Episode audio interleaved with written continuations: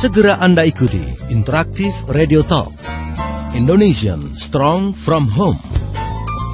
Indonesian Strong from Home bersama Ayah Edi, praktisi multiple intelligence dan holistic learning.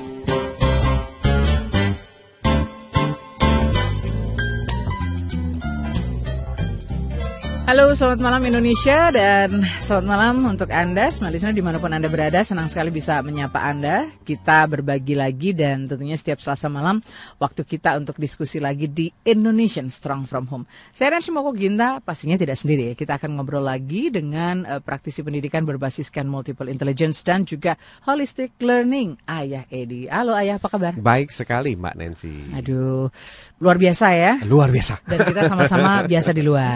Asik. Keliling terus. Keliling terus. Ayah ke mana, saya ke mana. Kapan-kapan tuh kita jalannya bareng gitu loh ya. Kapan ya ketemu ya Mbak ya? Kapan ya, nanti- Kayaknya pernah dulu di Betul di di Makassar. Di Makassar, Mudah-mudahan ya. nanti Smart FM bikinin acara lah ya. menyusul. Biar kita jalan bareng. Ay sedap. Ayah kita malam hari ini juga eh, tentunya ingin berbagi lagi dengan eh, smart listener di mana pun berada karena pastinya bagian dari bagaimana kita membuat Indonesia ini menjadi lebih baik, Indonesia ini menjadi kuat seperti eh, ini tagline kita ya. Ya, Let's make Indonesian strong from home Betul. adalah waktu kita juga mengulas apa yang kita hadapi sehari-hari, apa yang kita Betul. hadapi eh, tentunya dengan anak-anak, dengan keluarga. Ini bukan hanya sekedar dengan anak, tetapi dengan pasangan atau dengan ayah dan ibu. Ini justru akan eh, punya nilai dan warna tersendiri. iya.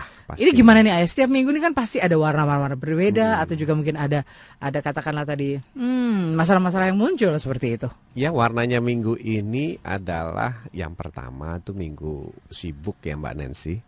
Kalau saya perhatikan bahwa eh, seperti biasa kalau udah deket-deket bulan puasa Mm-mm. itu ya kita cukup amat sangat sibuk gitu. Ya. Karena kalau puasa saya biasanya ya aktivitas eh, saya hentikan kecuali ya kecuali siaran di Smart FM. Wah Jadi- itu kan sudah buka puasa jadi nggak bisa berbagi ya ya. ya. Iya jadi terawihnya di Smart FM nanti berbagi ilmu bersama gitu. Betul, betul, betul. Ini menarik ya, ya. Dan ini tentunya eh, kesempatan kita juga selain berbagi eh, berbagai tema dan juga berbagai eh, tentunya permasalahan yang kita hadapi, problem yang kita temukan dan kita alami langsung. Dan ini waktu kita juga untuk eh, memberikan kesempatan untuk yang belum sempat bertanya langsung di Ya.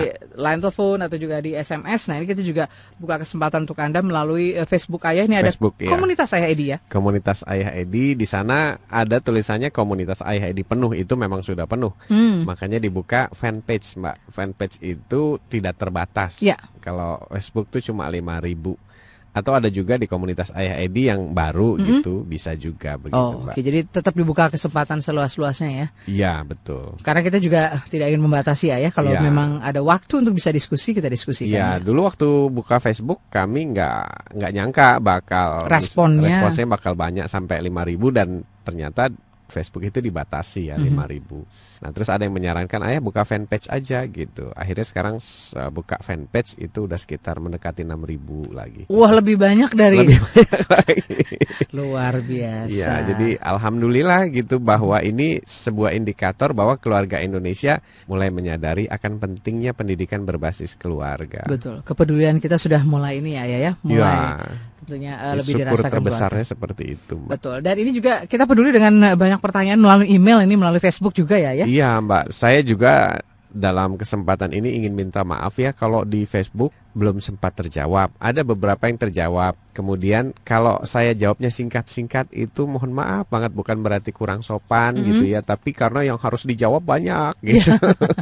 Eh, bahkan kadang-kadang pertanyaannya sama ya, Mbak ya. Jadi eh, pertanyaan bulan lalu, bulan sebelumnya, kemudian tahun sebelumnya muncul lagi repetition question itu ya nggak apa-apa. Memang eh, seperti inilah kalau kita Mm-mm. punya komunitas gitu. Orang yang baru bergabung mungkin itu menganggap pertanyaan baru, tapi saya mungkin udah 10 kali menjawab hal yang sama begitu. Eh, jadi kalau seperti itu biasanya saya bawa ke Smart FM untuk kita bahas seperti malam ini, Mbak Iya. Nancy. Nah, sisanya kalau misalnya ada direct question langsung saya jawab. Nah, eh, biasanya saya tidak ada basa-basi gitu kan. Hmm. Biasanya assalamualaikum Hmm. begini-begini. Langsung. Ah, ini langsung jawab. Poinnya gitu. Iya, jadi kayak seperti orang eh, chatting ya, Mhm. jadi tanya jawab seperti itu. Saya pikir daripada tidak tersentuh sama sekali kan eh, lebih baik eh, se- ya saya bayangkan kita chatting aja deh Mhm, gitu. Oke, baik. Ayah kita coba beri kesempatan dulu untuk eh, satu pertanyaan berikut. Ya, Ini boleh, dari Reno D. Oke, selamat malam. Ayah, mohon maaf malam. nih katanya. Saya Ya. butuh pencerahan. pencerahan apa itu? anak saya 9 bulan eh, dan kebetulan teman-teman saya yang memiliki anak seumur anak saya menyekolahkan anaknya di kelas bayi seperti tabel tots, uh, gymboard, jekel dan lain-lain. Nah sebenarnya apakah perlu bayi ikut kegiatan seperti itu? Eh, beberapa alasannya karena mereka ingin anak-anak mereka tertib, bisa mengikuti instruksi dengan baik atau dapat menggunakan dua bahasa. Gimana tuh menurut ayah? Iya, itu namanya toddler ya, Mbak. Mm -hmm. uh, pendidikan prasekolah. Ya. Kalau diambil referensinya dari seorang uh, apa namanya pemerhati pendidikan namanya Montessori, mm -hmm. Maria Montessori. Beliau itu kan lahir atau hidup di era tahun 800-an sampai 900-an, ya. ya. 800 akhir 900 mm -hmm. awal. Kemudian beliau punya pendapat begini sebenarnya sih menurut saya katanya mm -hmm. kalau seorang anak itu sudah diasuh oleh orang tuanya sendiri di rumah dalam hal ini ibunya. Yeah. Kemudian mereka belajar mulai dari halaman, mm -hmm. ruang tamu, dapur, kamar itu sudah cukup untuk anak usia dini. Oh, Oke. Okay. Gitu. Jadi berinteraksi dengan ibunya itu sudah cukup sebenarnya. Berinteraksi dengan uh, keluarga yang utama keluarga dulu yang ya. yang utama. Kenapa? Karena justru di situlah mereka belajar tentang segala hal, baik yang sifatnya logika maupun yang sifatnya emotional development. Yeah. Nah, justru emotional development itu sebenarnya yang paling bagus dibangun oleh ibunya sendiri. Mm -hmm. Itu kata Maria Montessori. Nah, kemudian kenapa sih muncul fenomena toddler atau preschool yeah. atau kelompok bermain? Ini karena waktu itu tahun 1960 ya tepatnya, Alvin Toffler itu menulis buku judulnya The Future Shock. Jadi uh, gelombang kejut masa depan. Yeah. Nah, salah satunya di situ ditulis bahwa nanti tahun 80-an, ya, era hmm. 80-an ini di Amerika akan banyak wanita-wanita yang tidak lagi menjadi ibu di rumah tapi bekerja di kantor. Jadi wanita karir ya. Wanita ya? karir. Jadi dalam buku itu diperingatkan semacam prediksi, Mbak, mm -hmm. gitu forecasting ke yes. depan. Uh, di situ dijelaskan bahwa uh, mulai sekarang kita sebenarnya harus mempersiapkan uh, jangan sampai ada the lost generation. Mm -hmm. Itu sebenarnya pesannya awalnya. Yeah. Kenapa the lost generation? Takutnya dikhawatirkan kalau kita nggak siap-siap, tiba-tiba itu terjadi, lantas yang ngurus anak-anak di rumah siapa? siapa yes. Kalaupun seandainya itu didelegasikan ke neni, apakah neni itu punya rasa kasih sayang yang sama? Kemudian punya cukup knowledge untuk mendevelop seorang balita atau batita, mm -hmm. gitu. Nah, jadi akhirnya pemerintah Amerika kemudian diikuti oleh negara-negara maju lain itu berinisiatif untuk mengisi kekosongan itu dengan membangun sebuah kelompok bermain atau kindergarten. Yeah atau toddler. Nah, seperti itu. Apakah ini dibutuhkan oleh masing-masing keluarga? Nah, ini sangat relatif. Mm -hmm. Tergantung kita melihat suasana atau kondisi keluarga tersebut. Kalau seandainya keluarga tersebut kedua orang tuanya bekerja dari pagi mm -hmm. sampai sore atau mungkin sampai malam, maka mungkin akan lebih baik ditotlerkan. Oh, Oke. Okay. Kecuali kalau mungkin ada nenek yang cukup knowledge, apa knowledgeable mm -hmm, untuk mm -hmm. mengeduket atau uh, mengasuh cucunya, atau mungkin neni yang sudah terlatih gitu. Jadi kalau di sekolah kita di Masterpiece di Tangerang mm -hmm. itu mengizinkan neni-neni untuk belajar langsung di sekolah, ikut jadi tandem uh, membantu guru-guru dan akhirnya belajar. Nah itu uh, sempat pernah kejadian para neninya itu bahkan lebih pandai atau lebih menguasai ilmu mendidik anak ketimbang orang tuanya. Ya? Orang tuanya dan orang tuanya uh, sangat senang sekali jadi tidak merasa jadi justru terbantu ya. Justru ya, sangat ya. terbantu dan bahagia begitu. karena di tengah kesibukan saya saya punya neni yang luar biasa mm -hmm, begitu mm -hmm. mampu bekerja untuk urusan rumah tangga dan mengasuh anak saya lebih daripada saya mengasuh anak saya. Oke, tetapi peran orang tua juga ini penting ya, ya walaupun tadi neninya jago, orang tua juga harus punya ininya ya. Uh, ya, punya justru kerjasama juga. rumah itu adalah sebuah kerjasama tim. Jadi nggak mm -hmm. bisa misalnya neninya saja yang menguasai, mm -hmm. tapi maminya tidak, atau maminya saja, tapi papinya tidak mm -hmm. gitu. Jadi sebuah komponen yang ada di keluarga termasuk nenek mestinya diharapkan mau belajar bagaimana mengasuh secara benar. Jadi di dalam rumah itu kompak satu sama lainnya. Betul. Dan yang pasti tentunya uh, ini disesuaikan dengan kebutuhan kita. Apakah memang kita memerlukan tadi ya, ya sarana-sarana kembali lagi ada. ya seperti pertanyaan Bapak. Nah, kira-kira sekarang penjelasannya itu tinggal ukur nih keluarga hmm. saya kira-kira seperti apa nih. memenuhi konteks apa yang dikatakan Montessori atau tidak Ya. gitu. Memenuhi apa kriteria uh, punya neni yang bisa punya knowledgeable Mhm. untuk mengasuh tidak. Jika tidak mungkin ada opsi-opsi semacam itu. Cuma perlu sebagai catatan jangan sampai kita memilih eh, toddler atau preschool yang mengarah untuk akademikal. Jadi persiapan Hmm. anak untuk membaca, persiapan anak untuk berhitung bukan itu tujuannya. Justru yang masih ini tadi ya, fun, Iya, masih fun, bermain, bermain. ya. Bahkan di Australia, Mas Bayu Stiono ya berkunjung ke sana atas apa yang saya sampaikan, beliau mengatakan bahwa benar apa yang ayah katakan di sana tuh kelas 3 SD, kelas 2 SD masih bermain konsepnya. Hmm, Tidak tidak Belajarnya dengan sambil hal-hal bermain. yang sudah penuh gitu ayah ya. Iya, tidak dengan keseriusan apalagi akademik full gitu. Oke, baik. Nanti kita akan diskusi lagi dengan beberapa pertanyaan lain dan mudah-mudahan ini juga bisa menjadi sebuah eh, inspirasi buat eh, keluarga yang lain ya, ya, ketika Ya, mengalami hal yang sama dengan Pak Renudi. Terima kasih sudah berbagi dengan kami dan terima kasih semua listener Anda juga masih bersama kami karena kami masih akan kembali dengan ulasan lainnya di Indonesian Strong from Home.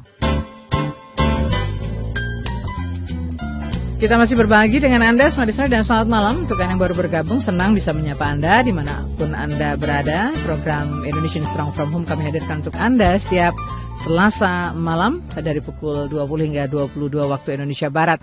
Dan Anda bisa mendengarkan program ini tentunya melalui Smart FM Jakarta di 95.9 atau juga Anda bisa bergabung di seluruh jaringan Smart FM Network. Anda bisa bergabung di Makassar, Manado, Banjarmasin, Balikpapan, Semarang, Surabaya, Jakarta tentunya dan juga melalui Smart FM Palembang, Medan dan Pekanbaru. Juga Anda bisa berbagi di beberapa sindikasi website dan juga streaming kami bisa Anda eh, manfaatkan untuk bisa mendengarkan banyak informasi dari pembicara-pembicara kami dan salah satunya adalah Ayah Edi yang sedang berbagi dengan Anda saat ini. Kita masih eh, mengulas tentang beberapa pertanyaan yang datang di Facebook di komunitas Ayah Edi dan juga di fanpage ya. Dan ini tentunya kita beri kesempatan yang belum sempat dijawab. Saat ini kita akan ulas pertanyaan-pertanyaan dan juga akan langsung ditanggapi oleh Ayah. Kita lanjut lagi ya Ayah. Dari Ya. Pak Reno kita ke Ibu Febi Sandra Waluyan. Ya. Ayah, anak saya cowok Mm-mm. susah membedakan huruf B dan D. B dan Bravo D. dan Delta. Iya. Kalau menulis huruf N kapital suka terbalik Mm-mm. dan itu ciri-ciri anak yang seperti apa ya ayah tipenya? Lalu kapan nih ayah ke Padang? Oh beliau tinggal di Padang nih ayah. Saya ingin banget konsultasi sama ayah. Kalau di Jakarta di mana saya bisa konsultasi dan eh, tanggal berapa ya ayah? Siapa tahu saya bisa ke Jakarta. Oh ini mesti hubungin Bu Julia nih, manajemennya ayah Edi ya. Silakan ayah. Ibu Eh, Febi, Ibu, Ibu Febi. Febi. Jadi anak ibu itu kalau ditanya ini anak seperti apa? Seperti Albert Einstein. Hmm, betul betul. Ya, seperti Leonardo da Vinci, seperti anak saya yang nomor dua. Jadi kalau nulis huruf B kebalik dengan D. Jadi eh, perutnya beda tempat gitu. Nah, jadi eh, sebabnya apa ya, Bu? Sebabnya itu karena dia lebih dominan otak kanannya yang bekerja. Jadi manusia itu punya otak kiri dan punya otak kanan. Nah, kalau misalnya otak kiri yang lebih dominan bekerjanya, maka dia orangnya sistematis, logis, runtut, bicaranya mudah dimengerti. Mhm. Tapi kalau dia lebih dominan otak kanan, itu seperti seorang seniman atau saintis tulen. Jadi seperti Albert Einstein, Leonardo da Vinci, Vincent van Gogh, Ya. jadi seperti itu ya. Nah itu biasanya dia lebih dominan di unsur gambar. Mhm. Maka pada saat dia belajar huruf, dia meng- menganalogikan huruf itu seperti gambar. Jadi bukan seperti simbol. Padahal Ya. huruf itu kan simbol. Iya, iya. Ya, jadi kalau misal perutnya di kiri itu menyimbolkan huruf D misalnya. Kalau perutnya di kanan itu menyimbolkan huruf B. Tapi karena otak kanan itu tidak bisa men- menyimbolkan gambar, dia membacanya seperti gambar. Ambil contoh beginilah. Eh, seekor kambing. Kalau ekornya di kanan, ya namanya kambing. Ya. Kemudian dia pindah menghadap, ekornya jadi di kiri, kan tetap kambing, Mbak. gitu. Nggak lantas kambing itu ngadepnya beda terus berubah jadi Yes. bukan kambing. Mhm. Nah, itu itu analoginya untuk anak otak kanan. Tapi lama-lama nanti beriring dengan bertambahnya usia dan waktu lama-lama dia akan bisa membedakan Mhm. hadap kiri dan hadap Oh, kanan. Oke. Awal-awalnya dia masih bingung sendal kiri dan sendal kanan Mhm. gitu. Jadi kalau pakai sendal terbalik-balik, belok kiri dan belok kanan.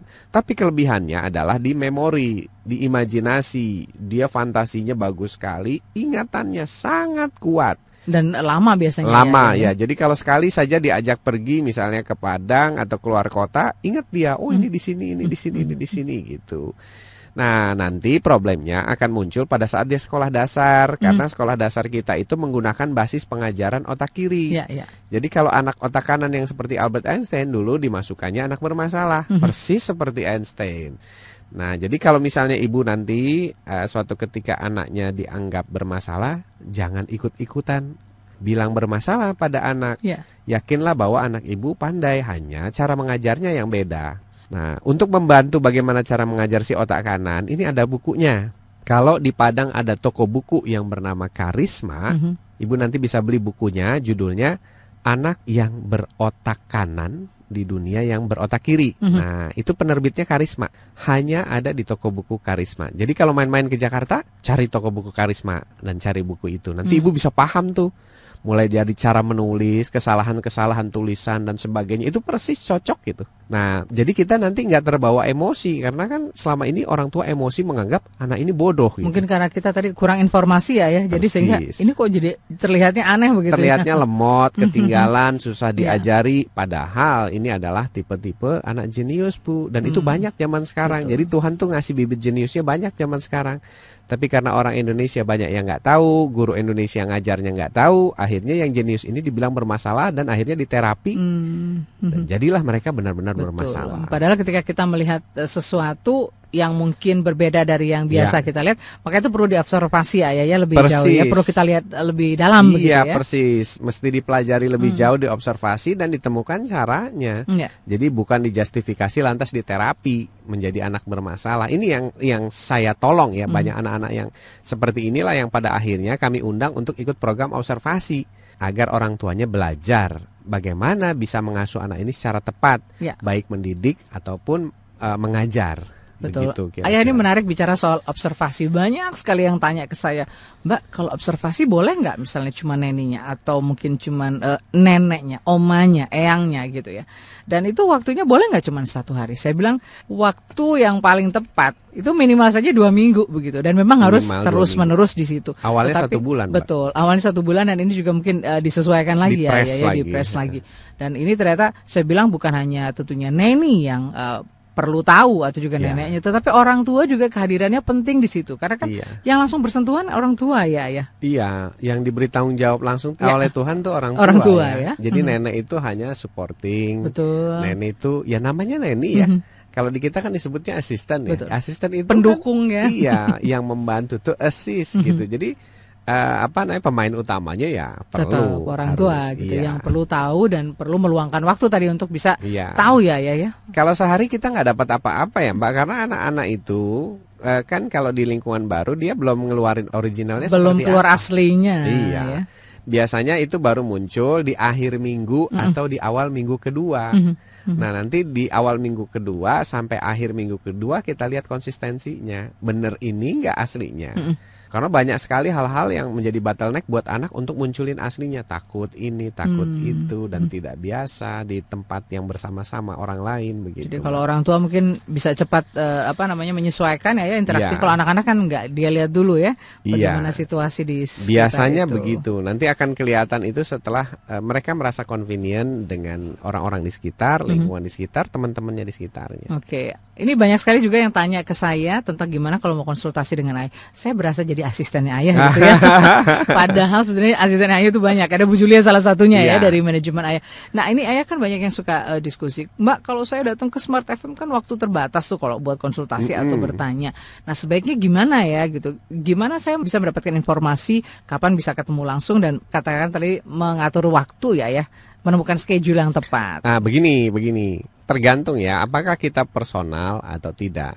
Kalau personal biasanya, kalau anaknya itu masih di bawah SMP, itu akan dianjurkan ikut program observasi.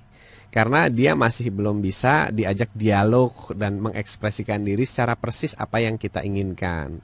Tapi kalau sudah SMP SMA itu bisa konsultasi pribadi. Hanya memang eh, kami dengan berat hati menyampaikan bisa waiting listnya 3 sampai 6 bulan gitu. Nah, jadi jalan keluarnya mungkin begini eh, supaya kita kebagian semua. Kemarin kami baru diundang oleh internal company, Ya. eh, internal koperasi. Jadi eh, HRD eh, direkturnya itu mengadakan pooling gitu. Apa sih permasalahan keluarga kita, apa permasalahan anak kita? Mhm, mhm. Nah, terus tanpa nama di situ dikirim eh, permasalahannya apa dan sebagainya. Baru kira-kira nanti disampaikan ke saya, ke kami gitu. Nah, diundang kira-kira tema yang cocok apa. Nah, karena permasalahannya saking banyaknya, ah, baru minggu lalu Mhm. lah saya diundang. Akhirnya judulnya menjadi dialog parenting. Mm, Oke. Ya, parenting dialog. Jadi eh, saya memberikan opening, opening, opening, kemudian nanti akan muncul tanya jawab, tanya jawab, tanya jawab dan sebagainya. Dan acaranya itu ya selalu ya biasanya sampai jam 5 itu sampai jam 6 molor. Kemarin kami Waktunya, sampai diusir iya, ya. ya. Mm. Karena ruangannya mau dipakai lagi. Betul, betul, betul. Saya udah pernah ikut ayah beberapa waktu. Ini saya juga perlu mengamankan ayah gitu ya, Iya. karena sering kali juga eh, bukan tidak ingin ini ayah diskusi Iya. di situ, tetapi memang itu butuh waktu sendiri Iya. dan itu memang perlu katakanlah tadi satu ruang khusus untuk bisa diskusi ya, ya. Iya, dan eh, kadang-kadang kan orang ada yang misalnya bilang begini, eh kalau rame-rame saya nggak enak. Sebenarnya nggak perlu nggak enak. Kemarin saya sampaikan juga waktu saya memberikan parenting bahwa sebenarnya kalau kita mengungkapkan satu kasus tentang anak itu bisa jadi semua orang mengalami itu. Betul. Cuma Ya. malu bercerita aja gitu. Jadi nggak usah khawatir bahwa nanti oh dibilang orang tua yang nggak bisa didik Mhm. anak atau masalahnya terlalu personal tidak. Bukan kita sendiri yang mengalami hal itu Iya ya. ternyata ya. begitu Fakta selama 9 tahun ya saya alami Kalau Mbak Nancy cerita tentang anakku Kenapa misalnya ya Kok udah tanya-tanya apa Suka ngelihat gambar porno gitu Itu udah meng- menggejala gitu Jadi bukan anak kita sendiri ternyata Itu adalah fenomena anak-anak zaman sekarang Jadi tanya aja Betul. Akhirnya karena eh, mulai yakin akan itu Semua rebutan tanya Mak Hmm. Sampai waktunya nggak cukup Justru mungkin ini kesempatan juga kita dengan yang lain bisa berbagi ya, ya seperti Iya. apa begitu ya, Heeh. ketika menghadapi hal-hal seperti ini. Iya, nah kalau terlalu personal untuk diungkapkan ya mungkin kita bisa secara pribadi. Cari waktu sendiri ya Iya, khusus begitu ya, itu. face to face. Sisanya ke Smart FM. Oke, maksudnya diskusi di setiap Selasa Diskusi, malam. Iya ya. begitu. Baik, Smart Listener itu tadi salah satu yang menjadi pertanyaan dari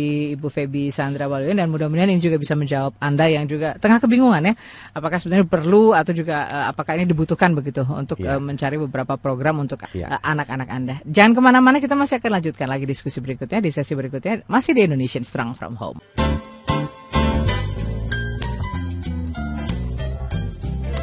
Smart FM, The Spirit of Indonesia masih berbagi dengan Anda dan kita masih eh, bersama Ayah Edi. Eh, mengulas tentunya pertanyaan-pertanyaan Anda yang masuk di komunitas Ayah Edi di Facebook dan juga di fanpage dan juga eh, tentunya banyak pertanyaan yang mungkin juga perlu didiskusikan karena ini juga menjadi eh, banyak permasalahan eh, para orang tua ya ya, ya Iya, betul, yang dihadapi. Kita lanjut lagi sekarang kita ingin eh, ke Ibu Riani Nur Yusania. Assalamualaikum Ayah. Waalaikumsalam. Bu Saya ini lagi bingung dengan masalah yang dihadapi murid saya di TK. Iya. Oh, beliau guru rupanya ya. ya. Eh, yang pertama ada satu anak perempuan namanya eh, Lian, usianya lima tahun, baru tiga bulan sekolah, sudah bisa berhitung 1 sampai dengan 100. Ya. Baca tulis, baca jam, padahal di sekolah kami belum diajarkan karena baru TK. Ya. TKA ya, sepulang sekolah langsung belajar sampai jam 11 malam. Hmm. Padahal saya dan orang tuanya tidak pernah menyuruh dan menangis kalau dilarang sama orang tuanya. Ya. Nah, sekarang orang tuanya mau mengeluarkan nih ayah dari TK kami Ya. dan menyembunyikan semua buku-bukunya. Padahal di TK kami tidak sekalipun diajarkan menulis, berhitung, apalagi baca. Nah, kita hanya memberikan permainan kreativitas mewarnai saja. Nah, gimana nih ayah biar tidak keluar dari TK kami? Ini yang pertama dulu deh ayah. Mhm. Baik, biar nggak lupa ya, Mbak. Betul. Jadi gini, eh, Bu Riani ya, eh, tolong nanti orang tuanya diajakin ngedenger talk show ini, gitu. Jadi paling tidak ada masukan, ada ada opini. Eh, dari eh, apa yang ibu ceritakan, kalau memang anaknya tidak dipaksakan atau tidak dipaksakan untuk melakukan itu, tapi dia mau melakukan itu nggak apa-apa, itu berarti alami. Mhm. Itu kemauan Tuhan, itu kemauan alam. Ada anak-anak seperti ini yang yang sejak kecil memang bisa ini, bisa itu dan sebagainya begitu. Enggak apa-apa. Yang dilarang atau tidak diizinkan atau kurang bijaksana apabila anak itu dipaksa untuk Hmm. belajar baca, tulis, hitung, menggunakan kekerasan, menggunakan tekanan dan sebagainya. Nah, itu yang tidak boleh. Tapi kalau anaknya sendiri seperti itu, ya kalau menurut saya ini bibit-bibit jenius. Hmm. Betul, kita harusnya bersyukur begitu ya ayah ya. Ya, kita bersyukur nggak usah stres gitu. Kalau dia mau belajar atas kemauan sendiri silakan gitu. Hanya kita jelaskan di situ, kita masukkan namanya unsur-unsur pembelajaran sehat seperti apa. Iya. Misalnya kalau jam 1 seperti apa, yang sehat seperti apa. Kemudian diberikan saja game apa kalau saya itu di rumah ada namanya edu game ya. Mhm. Eh, edu game yang menjelaskan tentang eh, ensiklopedi kesehatan. Jadi kalau waktu tidur itu sebenarnya apa yang terjadi, Mm-mm. waktu tidur yang sehat itu kapan, kemudian waktu bangun yang sehat itu kapan, kemudian berapa lama manusia tidur, kalau usia sekian berapa, itu anak saya tahu sendiri. Iya. Nanti kalau dia sudah tahu, dia akan mengatur ritmenya sendiri. Jadi tugas kita adalah membantu menyampaikan informasi-informasi yang baik buat kesehatan dia, yang Mhm. benar buat dia. Nah, tapi kalau dia mau sendiri untuk melakukan itu, wah itu kalau menurut saya dan kalau itu anak saya, saya dukung, saya kasih fasilitas. Ayo nak silakan nak Mhm. belajar begitu. Karena tidak semua anak mendapatkan anugerah seperti itu. Dan yang mungkin kita perlu beri pengertian bahwa waktu-waktunya ada waktu istirahat, ada waktu juga lebih rileks gitu ya ayah ya. Ya, dan biasanya anak-anak itu kalau taunya dari misalnya ya semacam program edu game yang di komputer itu, Mhm. dia lebih cepat itu menangkapnya, mempercayainya seperti itu. Atau dari Oke. buku-buku. Nah ini diskusi dengan orang tuanya seperti apa nih ya? Karena orang tuanya ternyata sudah mau mengeluarkan si Iya, anaknya. diskusinya persis seperti apa yang saya tadi jelaskan gitu. Jadi ibu ulangi lagi jelaskan seperti itu. Nanti kalau misalnya eh, beliau kurang yakin, nah disuruh mendengarkan Smart FM misalnya Selasa malam. Ibu mendengarkan Selasa malam ini ya. Kemudian nanti eh, ajak Sabtu siangnya ngajakin yuk kita Siaran dengerin ulang siaran ya. ulangnya nih. Kalau nggak percaya, eh, pertanyaan saya dijawab nih penjelasannya kira-kira seperti ini begitu. Mhm. Jadi kami tidak membatasi apa yang alamiah Hmm. Itulah yang kami sebut keunikan masing-masing anak. Ya, Jadi ya. tidak ada standarisasi yang baku bahwa anak itu harus diajari ini dan Mhm. tidak boleh belajar ini tidak. Kita hanya lihat saja kecenderungan alamiahnya ke mana. Seperti itu. Murid yang pertama nih ayah ya. Yang Ya. berikutnya. Ini ada anak laki-laki namanya Adit usianya lima tahun juga sudah dua tahun sekolah di TK kami tapi eh, harus ditunggu ibunya terus nih ayah. Dia cucu satu-satunya dan orang tuanya permisif dan sangat sayang sekali. Jadi protektif jadinya ya. Ya, yang pertama begini. Eh, pertanyaan kita apa keinginan orang tuanya dan apa keinginan sekolah. Nah, kalau misalnya keinginannya orang tuanya supaya dia mandiri, satu supaya dia tidak ditunggui saat sekolah atau dalam kata lainnya juga mandiri, maka tentunya kita harus mengoreksi pola-pola asuh yang menyebabkan dia tidak mandiri. Hmm. Mhm. Contoh, terlalu disayang. Ya. Kemudian terlalu diberi kemudahan, mau Hmm. ini boleh, mau itu boleh. Kemudian terlalu diberi eh, kemudahan lagi, misalnya mau ini, mau mau beli ini dibelikan, mau Hmm. apa dibelikan. Kemudian terlalu dilayani, Hmm. Dibantu. gitu ya, dibantu ya, makan disuapi, diambili, semuanya serba dibantu. Mhm. Nah pada akhirnya akan melahirkan sifat seperti ini. Kenapa dia takut jauh dari ibunya? Karena dia khawatir nanti nggak ada yang bantu Mm-mm. nggak ada yang nolong, nggak ada yang ini. Nanti kalau saya begini gimana? Kalau mau pipis gimana? Kalau mau ini gimana? Kalau menghadapi permasalahan nggak ada yang ini ya, Persis. memberikan solusi ya. ya. Jadi langkah yang perlu ditempuh adalah, oke, kalau ibu maunya X, jangan lakukan Y kan gitu ya. Kalau misalnya mau uh, bikin bolu kukus, jangan dipanggang kan gitu. Dikukus. dikukus kan gitu. Jadi kalau ingin anaknya mandiri jangan dimanja kan gitu. Kalau misalnya orang tuanya puas dengan kondisi manja ya nggak apa-apa. Ini memang fenomena yang terjadi pada anak-anak yang misalnya tunggal fenomenanya. Ya. Terus cucu laki-laki pertama Hmm. gitu. Terus anak yang sudah lima tahun sampai 10 tahun ditunggu gitu. Jadi kita overprotective, over permisif, Mhm. over ini semuanya serba over. Nah, di buku saya yang berjudul 37 kebiasaan orang tua yang membuat perilaku anak seperti ini itu dijelaskan. Perilaku apa saja dari Mhm. nenek dan orang tua yang harus diubah. Kemudian diperjelas lagi oleh buku Ayah Edi menjawab. Di situ diuraikan kasusnya plus tindakan-tindakan yang harus diberikan Ya. atau diubah dari kedua orang tua dan neneknya. Mhm. Nah, alangkah baiknya kalau ibu menganjurkan orang tuanya pergi ke toko buku, misalnya kalau ada Gramedia, Gunung Agung, Mhm. nah beli dua buku itu. Satu warnanya coklat, 37 kebiasaan orang tua, yang satu lagi Ayah Edi menjawab warnanya hijau. Ya. Kalau buku itu dibaca kemudian dipraktekkan bareng-bareng secara konsisten, insya Allah anak-anak akan berubah dan perlahan-lahan akan berubah. Dan orang tua juga jadi mengetahui bagaimana harus ini menyikapi ya. Iya, ya? karena hmm. kalau ini dibiarkan sampai besar, bayangkan mbak, nanti kalau kuliah pengen ditungguin, hmm. SMP pengen ditungguin. Nggak bisa ke mana-mana orang tuanya ya. ya. iya, dan menjadikan anak kita jadi takut sekali berpisah dengan orang tuanya. Padahal nanti anak-anak kita kan tentunya kita akan lepas ya ke kehidupan Betul. nyata dan bagaimana mereka bisa berinteraksi dengan iya. sekitarnya ya. ya. Persis. ya. Dan nanti akan jadi pelecehan anak-anak lain mm, mungkin ya mm, karena mm. disebut anak mami betul, dan sebagainya betul. gitu. Oke, kita lanjut lagi uh, kalau tadi murid yang berikutnya nah sekarang uh, ada murid berikut lagi masih anak laki-laki namanya Wisnu ya. Iya. Ini usia juga lima tahun, tidak mau gabung dengan teman-teman, menolak perintah guru maunya sendiri terus. Nah, selama ini saya minta uh, satu orang guru biar dekat dengan Wisnu dan belajar terpisah dengan temannya. Uh, karena orang tuanya di rumah galak dan suka uh, main pukul.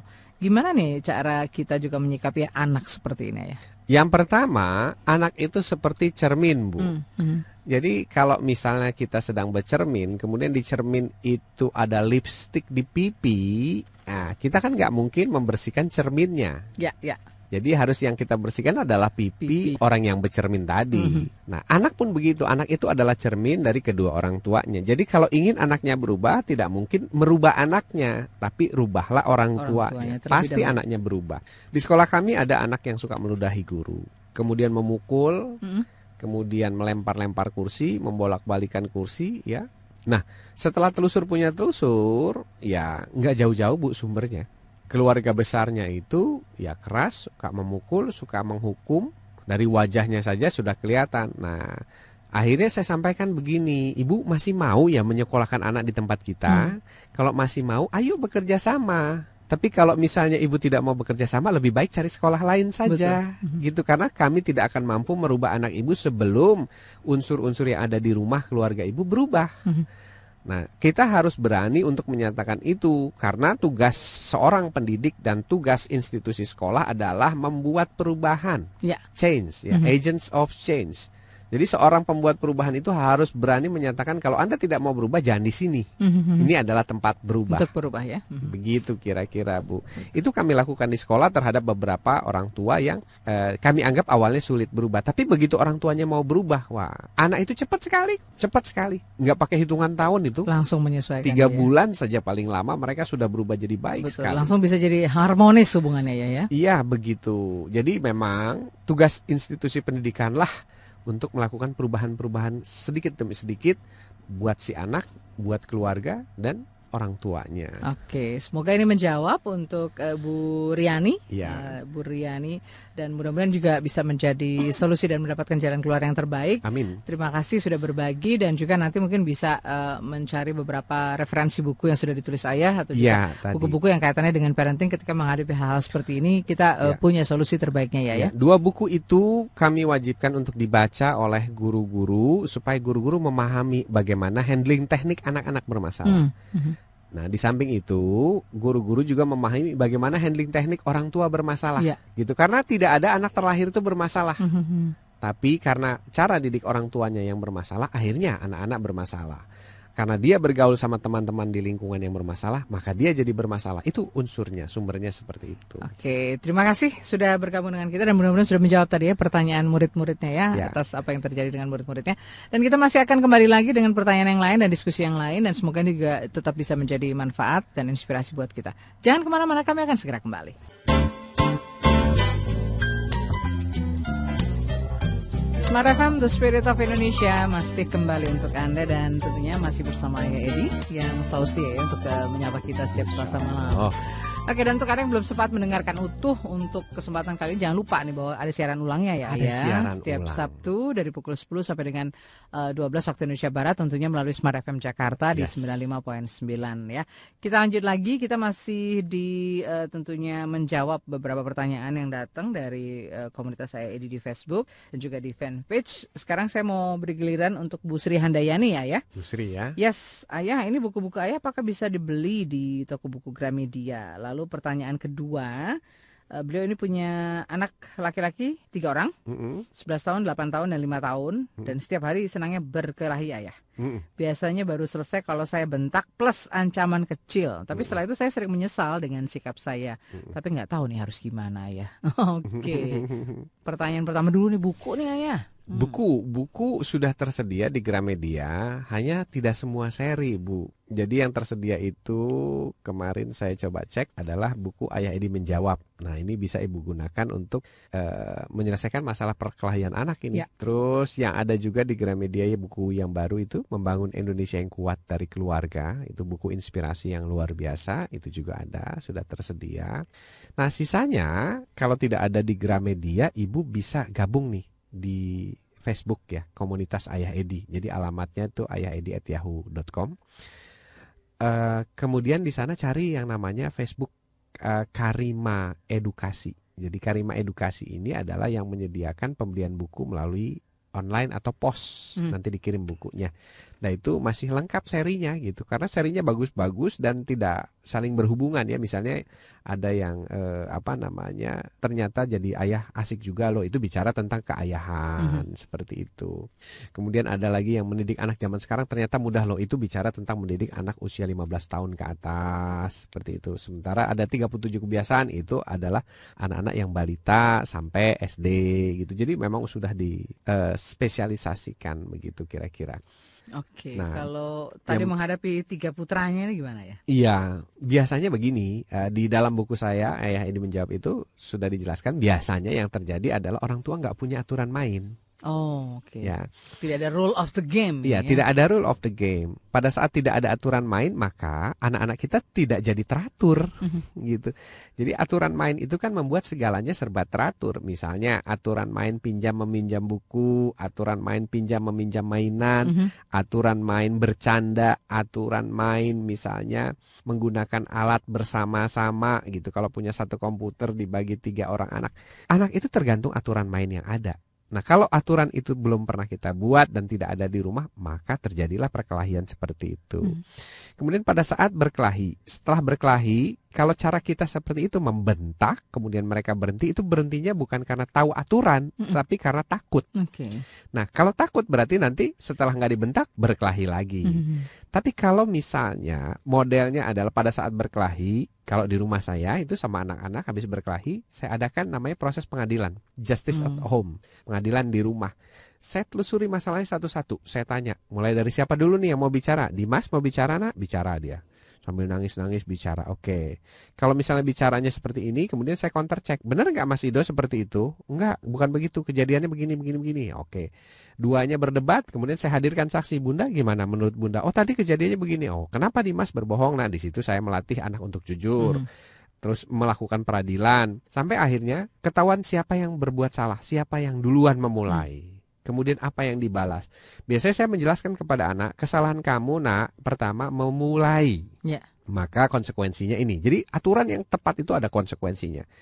Terus yang berikutnya, yang kedua adalah pada saat kamu dimulai terus kami memukul. Nah, memukul. Nah, kamu tahu salah ya. Walaupun kamu tidak memulai tapi kamu memukul. Tahu salah. Jadi akhirnya anak saya setiap dalam proses perkelahian itu mulai tahu kesalahan mereka masing-masing terletak di mana saja gitu.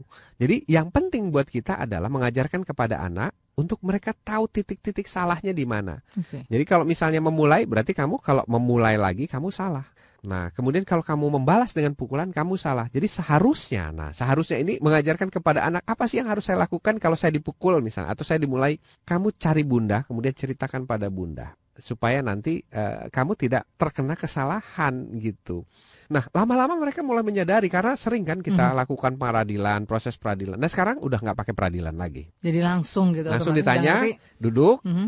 langsung kira-kira siapa yang salah ya nak ya Hmm. oh dede yang salah tadi awalnya begini-begini tapi dede salah karena Mas Ido begini misalnya begitu betul Mas Ido begitu enggak bukan begitu ini begini begini begini jadi dede salah terus Mas Ido ada salah nggak ada gitu salahnya di mana karena ini misalnya begitu yang penting buat kita adalah memberikan pembelajaran pada mereka mana yang benar, mana yang salah, bagaimana berikutnya, selanjutnya mereka bisa berbuat benar.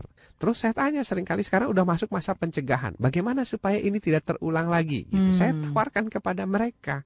Jadi gunakan kepala mereka untuk berpikir membantu kita supaya mereka terlibat bahwa ini kesepakatan bersama loh, bukan aturan main yang hanya dibuat oleh ayah. Jadi Nah. kembali kepada komitmen mereka juga nanti Iya. ketika kejadian terulang Persis. gimana nih? gitu? Iya, jadi Mhm. setelah anak-anak kita mulai sadar, mereka tidak akan melakukan hal yang sama berulang kali, Mhm. gitu. Kan yang bikin capek kita itu adalah kesalahan yang sama dilakukan berulang-ulang-ulang kali. Mhm.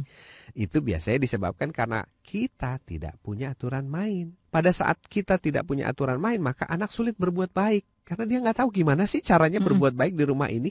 Tapi kalau aturannya jelas, disosialisasikan secara jelas, dipahami bahasanya secara jelas, akhirnya anak tahu, oh oke, jadi yang salah tuh begini, begini, begini, dan anak kita jadi penuh aturan. Negara-negara yang teratur seperti Kanada, Mhm. kemudian Australia, kemudian New Zealand itu adalah best people for living country. Mhm. Mereka sangat jelas aturan mainnya dan konsekuensinya sangat tegas. Jadi akhirnya itu menjadi habit Mhm. masyarakat di sana, habit keluarga Kebiasaan ya. kita. Iya. Kan Jadi keluarga gaya hidup gitu ya, ya, ya. Persis, persis. Makanya kami punya habit keluarga. Nah, Mhm. habit ini baru nanti akan berbenturan pada saat ketemu keluarga lain, pada saat dia bermain bersama Mhm. di mall atau Ya. di pasar atau di situasi tertentu di taman bermain. Supaya mereka juga belajar bahwa ada habit lain yang tidak baik. Makanya anak saya selalu bilang, "Itu tadi kurang baik ya, Ayah. Masa dia melakukan begini-begini?" Wah, hebat kamu, Nak. Mhm. Kamu sudah tahu mana yang baik, mana yang tidak. Jadi mereka juga tahu bagaimana menyaring ya ha- hal-hal Iya. yang kurang tepat ya, ya. Persis, kira-kira seperti itu. Oke, semoga ini bisa membantu Bu Sri Handayani untuk bisa menemukan bagaimana sebetulnya menghadapi tiga putra laki-lakinya. Ini kan tiga-tiganya Iya. pasti tipikalnya juga beda-beda ya, ya, ya. Aturan mainnya juga harus Persis. diperjelas masing-masing tipe ya. Persis. Jadi kejadian yang terjadi di rumah yang selama ini membuat kita marah dan kesal sebenarnya itu adalah sirine ya Mbak Mm-mm. yang memberitahuan kita hey do something. Ada alarm ya, ada ya, alarm, pengingat ya. pengingat, eh lakukan sesuatu, pasti ada yang nggak beres nih yang Mm-mm, kamu mm. lakukan terhadap anak-anak. Jadi mereka jadinya seperti ini. Nah, itulah kenapa kita hadir melalui program parenting ini. Itulah mengapa buku-bukunya ditulis. Kenapa? Karena parentingnya sudah dilakukan selama 10 tahun, tapi Ya. selalu ada orang baru yang belum tahu loh Hmm, caranya. betul. Jadi lebih baik lihat di buku dan di situ dijelaskan secara detail. Ada 100 persoalan yang sering dihadapi orang tua di rumah yang saya tuliskan di sana berdasarkan pengalaman. Oke, jadi ini bukan hanya eh, mengadakan peradilan untuk anak-anak, tetapi orang tua juga perlu melihat ya, ya, ya. Eh, perlu melihat juga, perlu evaluasi juga ya. Evaluasi. Kenapa hal ini bisa terjadi Iya. ini ya? Hmm. Jadi anak kita itu sebenarnya cuma alarm-alarm aja. Kita Bukan- cari tahu asal usulnya nih ya. Iya, jadi kalau misalnya alarm itu menyala jangan dipukul alarmnya kan. Wew, wew, wew, wew, wew, terus dipukul biar mati alarmnya kan.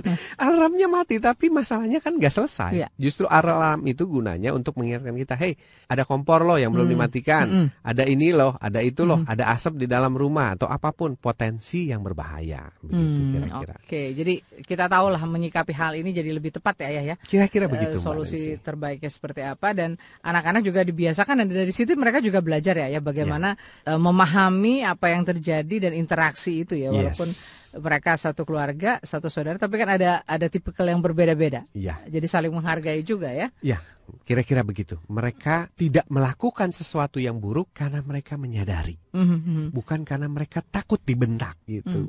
Kenapa ini hadir, Bu? Ibu nggak usah merasa menyesal. Kenapa? Karena memang ini adalah tradisi turun temurun, Oke. bentak membentak. Nggak cuma ada di rumah, di sekolahan, ya, Mhm. ada mapram. Kita Hmm. melanggengkan tradisi ini. Nah, melalui parenting ini kita ingin memutus mata rantai tradisi bentak membentak, hukum menghukum. Ya memang tidak mudah. Hmm. Saya sendiri sebagai ayah Edi tiap hari itu masih latah kok Bu karena memang tradisi menghukum itu sudah benar-benar Eh, masuk mendarah daging gitu ya, ya. mendarah daging itu dan di pikiran kita itu gitu. perlu memang perlahan waktu untuk mengikisnya ya, ya. Iya, persis. Oke, gitu. baik. Bagaimana ini tidak eh, hanya disikapi oleh anak-anak karena takutnya tadi temporary, tetapi juga bagaimana hal ini bisa menjadi sebuah kesadaran. Jadi itu Iya. bisa permanen ya ya. Iya. Anak-anak betul-betul jadi punya komitmen ketika melakukan kesalahan bahwa, bahwa mereka juga harus menerima tanggung jawabnya ya. Persis. Oke dan saya juga bertanggung jawab untuk melamatkan informasi-informasi berikut karena perbincangan Boleh. kita sudah di satu jam pertama dan jangan khawatir kita masih akan kembali lagi dengan tentunya menjawab beberapa pertanyaan lain di satu jam berikutnya. Yes. Jangan ke mana-mana tetap bersama kami di Indonesian Strong From Home.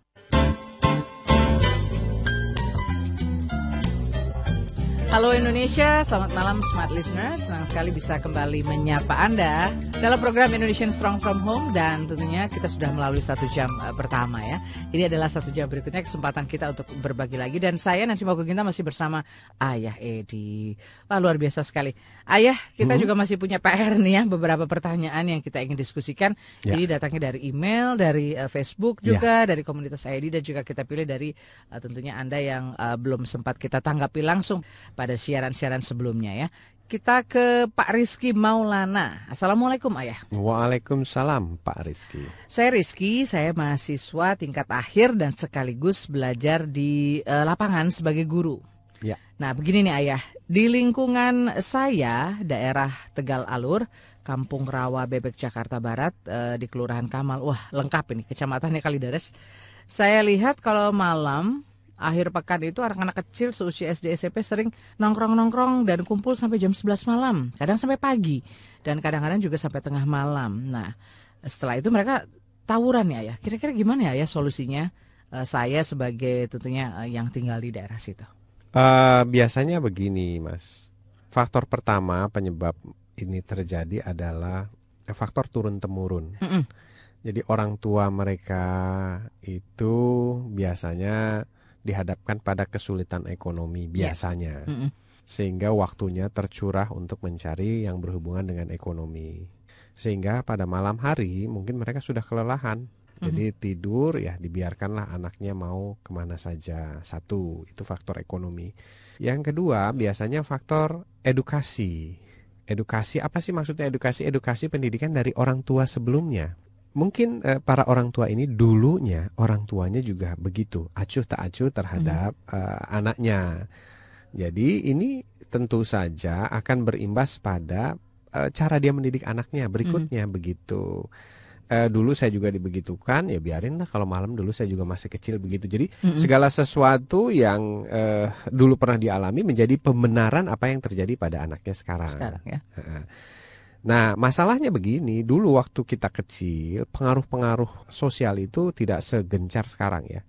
Eh, Penyakit-penyakit sosial, tapi sekarang ini kan luar biasa pengaruhnya. Jadi mungkin hasilnya itu bisa berlipat ganda, lebih Mhm, buruk mhm. daripada zaman kita kecil dulu. Mhm. Nah, itu konteks permasalahannya. Kenapa kita harus tahu dulu penyebabnya? Karena biasanya dokter itu sebelum dokter yang baik ya, Mm-mm. itu sebelum eh, memberikan obat pada pasiennya pasti melakukan diagnosis yang sangat rinci, detail sekali. Jadi nggak sembarani sembarangan main tebak-tebakan Ah, oke. kasih obat begitu. Nah, sama juga kita kalau ingin memberikan solusi, setidaknya kita tahu dulu ini sumber masalahnya di mana. Mhm. Nah, jadi karena ini adalah sumber masalahnya kebanyakan di orang tua, pertama ya kalau misalnya Mas Rizky mau, orang tuanya di approach dulu, Hmm. Ya didekati dulu. Memang yang paling sulit ini adalah kalau sudah bicara masalah ekonomi. Iya. Eh, mau tidak mau kita bisa nggak membantu pengentasan ekonomi Hmm, mereka. mhm. Tapi berita baiknya begini. Seburuk apa pun orang tua, sesusah apa pun orang tua, tapi kalau dihimbau misalnya diajak untuk misalnya memperbaiki anaknya, biasanya mau gitu, Oh. biasanya mau. Ambil contoh saja pernah ditoksokan di Kick Andy ya. Mhm. Kalau Waktu itu eh, raja rampok kita namanya Johnny Indo Yes. ya Nusa Kambangan. Beliau itu raja rampok gitu, walaupun sekarang sudah insaf, tapi begitu bicara tentang anaknya, dia nggak mau anaknya jadi perampok. Mhm. Anaknya tuh ada yang semuanya berpendidikan, sampai ada salah satunya seorang dokter, Hmm, anaknya. Johnny Iya. Indo. Gitu. Artinya apa? Sebenarnya meskipun dalam kondisi yang sangat terjepit, orang tua itu masih punya hati nurani terhadap anaknya untuk Punya memperbaiki. Hanya masalah yang baik ya. ya. persis. Hanya sering kali masalahnya dia nggak tahu bagaimana sih cara memulainya. Mhm. Jadi kalau memang masalahnya tidak tahu bagaimana cara memulainya sementara dia masih punya hati nurani. Nah, tugas Mas Rizky kalau mau ini Mhm. pertama coba deh sounding dulu. Eh ada program lo di Smart FM Yes. namanya Indonesian Strong From Home. Mau dengerin nggak? Aduh, aku tuh nggak punya radio. Ya kalau nggak punya radio, beli yang kecil-kecil aja. Itu yang harga misalnya 50 ribuan Hmm. di pinggir-pinggir jalan atau 100 ribuan itu nyampe kok siarannya kita tangkap. Kenapa? Karena mereka untuk beli 100 ribu itu pasti bisa karena di rumah udah ada TV. TV Iya. itu sampai 1 juta Mhm, soalnya. Begitu. Tinggal bagaimana kita men-switch, men-transfer dari kebiasaan habit melihat TV menjadi habit mendengarkan radio bermutu. Mhm. Nah, seperti itu. Nah, kalau misalnya itu sulit juga, eh punya DVD nggak? Kalau punya DVD, nah Mas Rizky coba download dari situs eh, apa namanya kita di www.ayahkita.com yang ada situs eh, rekaman-rekaman Smart FM. Mhm. Di-download, ditaruh di CD, dikasih hadiah, dibagi-bagi. Eh coba deh dengerin aja, dengerin. Nanti setiap hari Sabtu eh, kita diskus ya, kita ngumpul-ngumpul, tanya jawab. Nanti saya bawa ini deh, bawa hadiah kecil, misalnya apa aja hadiah kecilnya gitu. Nah seperti itu. Nanti eh, kalau mereka mulai tertarik dan mulai merasa tergantung, wah iya begini, begini, begini, begini, begini. Nah barulah Mas Riki di situ bisa mengukur waktu Mas Riki, rezeki Mas Rizky, Mhm. segala yang bisa kita lakukan sebagai mediator Mhm. atau agents of change, apa sih yang bisa kita perbuat lebih lanjut begitu. Iya. Baru setelah orang tuanya tersadarkan, menyadari dan tahu cara yang tepat mendidik anak, baru kita masuk ke anaknya. Mhm. Gitu. Kenapa? Karena begini, kalau kita langsung masuk ke anaknya sementara orang tuanya Mm-mm. belum sadar, itu biasanya orang tua justru menjadi kendala bagi anaknya. Iya, iya. Gitu. Yang melarang lah, yang inilah, yang Mm. itulah. Jadi kalau orang tuanya sudah tersadarkan lebih dulu, itu akan jauh lebih mudah merubah anaknya. Itu Mm. pengalaman saya selama ini. Iya. Jadi kalau proses konseling itu sebenarnya yang saya coba ubah frame-nya adalah orang tuanya dulu. Oke, dimulai dari situ ya. Iya, begitu orang tuanya serius, antusias eh, untuk berubah, maka anaknya cepat sekali kok berubah itu, mhm. Mbak. Jadi kira-kira seperti contohnya itu. dulu ya, teladannya dulu nih. ya. Iya, teladannya dulu kita perbaiki supaya menjadi sebuah masyarakat dan komunitas.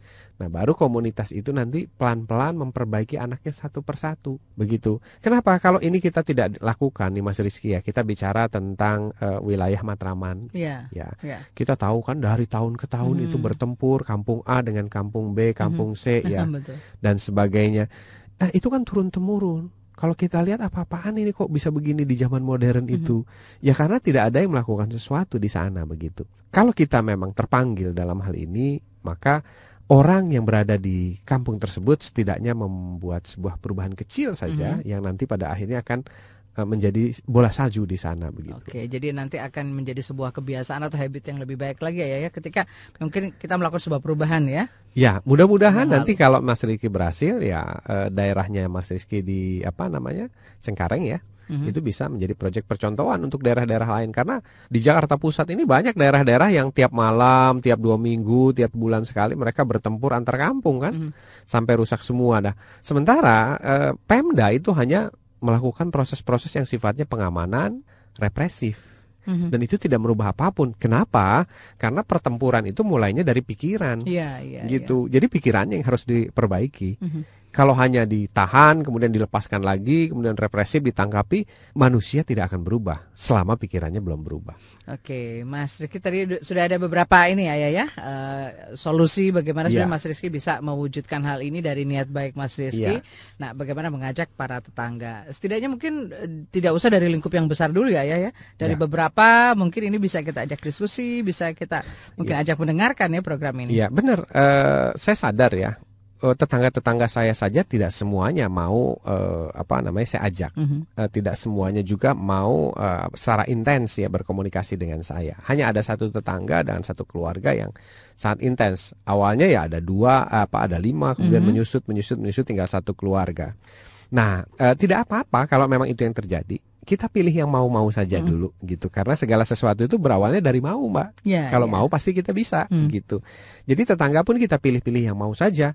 Tidak usah menghabiskan usaha, effort dan sebagainya kalau dia misalnya melakukan penolakan-penolakan. Iya. Biarlah yang mau ini nanti akan menjadi contoh di wilayah itu. Mhm, mhm. Kalau anaknya nanti berhasil, misalnya berhasil sekolah di luar negeri satu persatu ya, eh, toh orang juga akan melihat dan akhirnya akan bertanya, gimana sih caranya? Itu yang kita tunggu, Mbak. Oke, jadi bisa dilakukan dari hal yang sederhana sekalipun ya, ya untuk Ya. bisa tentunya uh, membuka kesempatan pada uh, hal-hal yang lain atau lingkungan di sekitar kita untuk menjadi lebih baik ya. Ya, banyak eh, agent-agent of change yang mulai bermunculan Mhm. ya. Kalau ini insya Allah nanti Rizky ini di apa namanya daerah Di Kalideresnya Oh ya. di Kalideres Ah, ya. Di Manado tuh sudah ada namanya Willem Swir. Mhm. Nah kemudian di Jember Ya. apa? Di Jember eh, di Ponorogo itu juga ada Mas Averus gitu. Mhm. Jadi mulai ada anak-anak muda yang tersentuh melalui siaran kita melakukan gerakan-gerakan yang sederhana saja. Mhm. Nggak usah yang muluk-muluk, nggak usah yang kelihatannya mulia dan agung, Ya. sederhana saja. Yang penting ada satu dua orang hingga nanti menjadi sebuah snowball yang besar begitu. Mhm. Seperti saya melakukan 10 tahun yang lalu, tetangga-tetangga dekat aja, 10 orang tetangga dekat di RW RT yang mau gabung, yang mau saja. Mhm. Mhm. Terus 20 orang, terus 20, 40 Ya, orang, jadi 100, kelipatan ya. 225 sampai sekarang. Ya, sekarang sampai pelosok ya, ya sampai alhamdulillah ya. pelosok. Nah, tentu saja seorang ayah ini kan tidak bisa memenuhi semua wilayah. Nah, kita harus memilih atau mencari mungkin agent-agent of change Mhm, yang mhm. mau saja. Saya juga nggak pernah memaksakan kok yang mau panggilan hati saja Betul. gitu.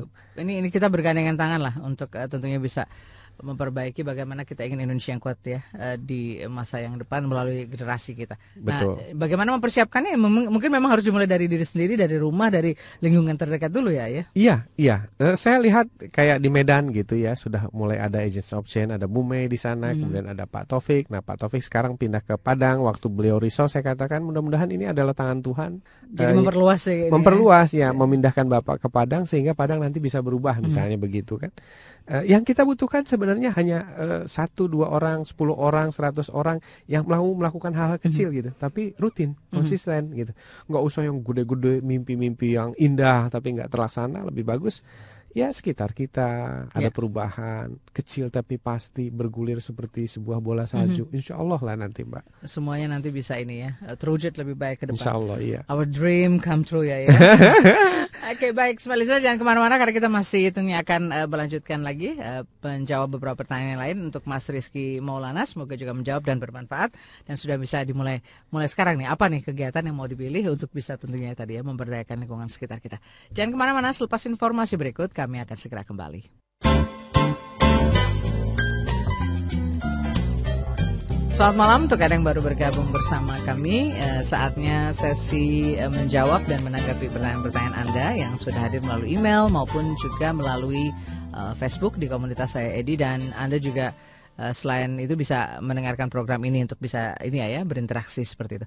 Dan kita tadi sudah menjawab beberapa pertanyaan. Sekarang lanjut lagi masih ada kesempatan untuk beberapa di antaranya yang lain. Ada Pak Francisco E Justina. Ini Bapak atau Ibu ya? Francisco E Justina. Mungkin Bapak atau Ibu ya. Uh, Ya. Beliau uh, ingin diskusi dengan ayah. Uh, apa kabar ayah Edi? Ya. Maaf saya mengirimkan uh, message ini karena saya uh, ada masalah dengan anak laki-laki saya. Oh nggak apa-apa ya, ya kita maafkan ya.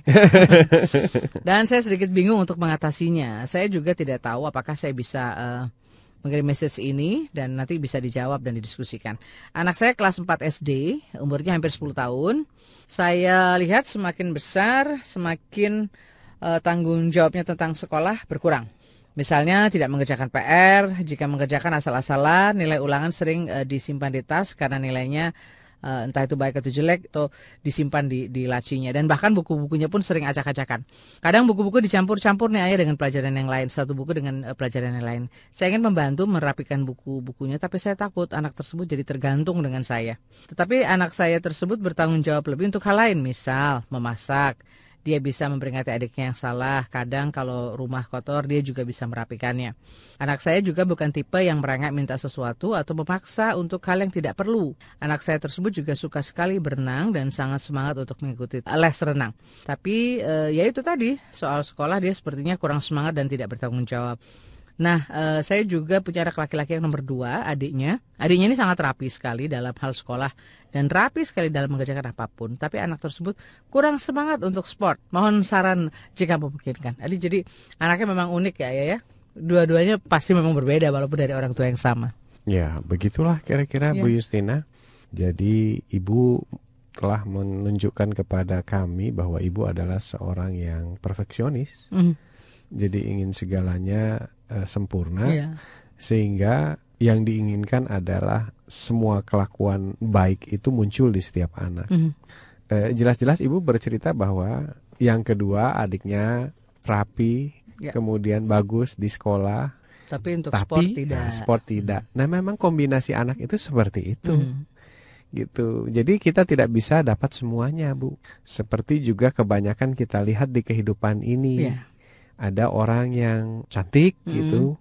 Terus penampilannya menarik, tapi mungkin dari sisi lain kurang. Ya.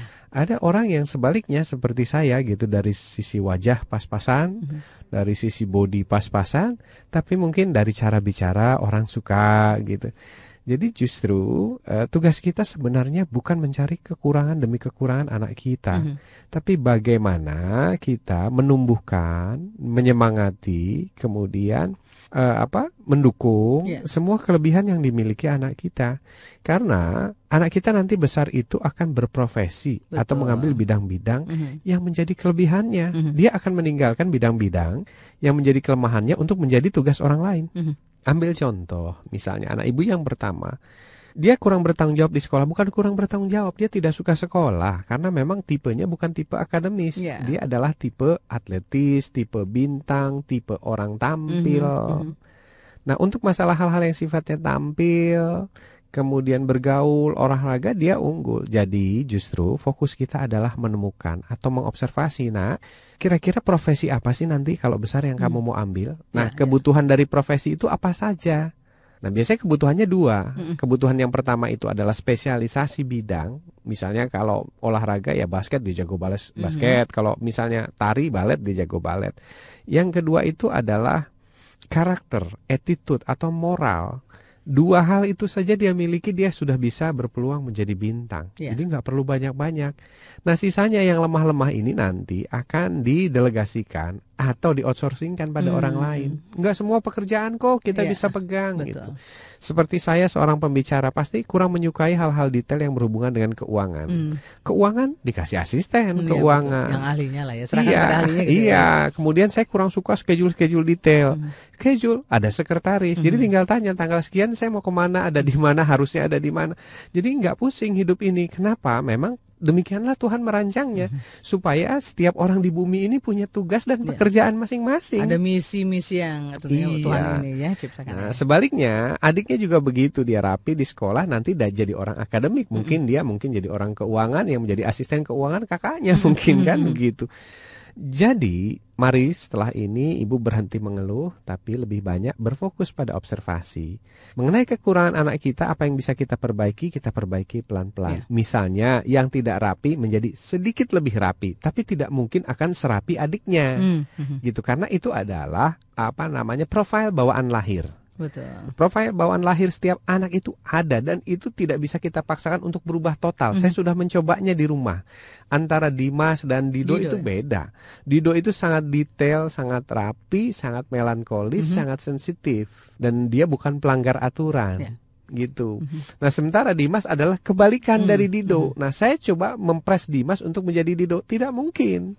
Yang ada dia menjadi lebih baik, lebih hati-hati Hmm. bisa gitu. Tapi kalau sama tidak mungkin. Karena memang masing-masing sudah membawa ininya. ya. Membawa bawaan profil bawaan lahir untuk nanti bekal profesinya kelak Mhm. dan masing-masing saling melengkapi begitu. Orang yang suka keuangan biasanya akan diam speechless Mhm. kalau diminta untuk memberikan sambutan. Iya. Percaya atau tidak itu fakta itu. Bisa kita lihat ya ya ya. Hmm. Bisa kita lihat Mhm. sama orang-orang seperti saya kalau dikasih soal-soal fisika speechless juga gitu ya Mbak Nancy. Coba kita ngobrol soal anak dan keluarga. Iya. Oh, Iya, semangat sekali. ya. Semangat gitu. Kalau nggak percaya tes Mbak Nancy kasih soal apa namanya aritmetika, aljabar, Aduh. kita langsung speechless. Hmm, Tapi ya. sebaliknya orang yang ahli aljabar, aritmatika dan sebagainya dihadapkan di muka publik 2000 peserta di samping director, asisten Mhm, director, speechless nggak bisa bicara gitu.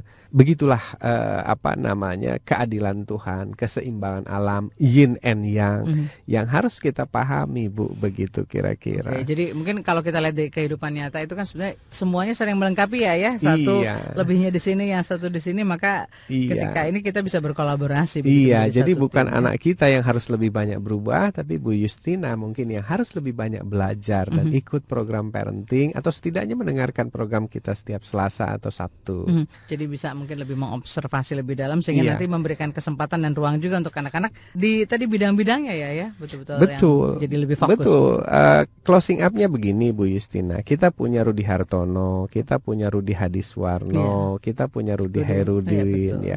Tiga Rudi ini jadi bintang di Indonesia. Mereka finansial berkecukupan, Mhm. mapan dan mungkin makmur lebih Iya. ya. Tapi kita lihat coba. Apakah mereka bisa di semua bidang? Tidak. Hanya satu bidang saja yang Mhm. dipilih kok. Misalnya Mas Rudi Hadiswarno, tinggalnya itu di, di Cisarua loh. Itu rumah loh Mbak, bukan villa. Jadi tiap hari beliau di sana. Dan untuk masalah keuangan sudah ada Ini ahlinya. ya, kan? udah punya asisten-asistennya ya. Betul, untuk masalah monitoring manajemen sudah punya Hmm. ahlinya. So begitulah kehidupan gitu. Jadi justru orang-orang yang mengembangkan kekuatannya dia akan menjadi yang terbaik Mhm. dan dia akan mengontrol keadaan begitu.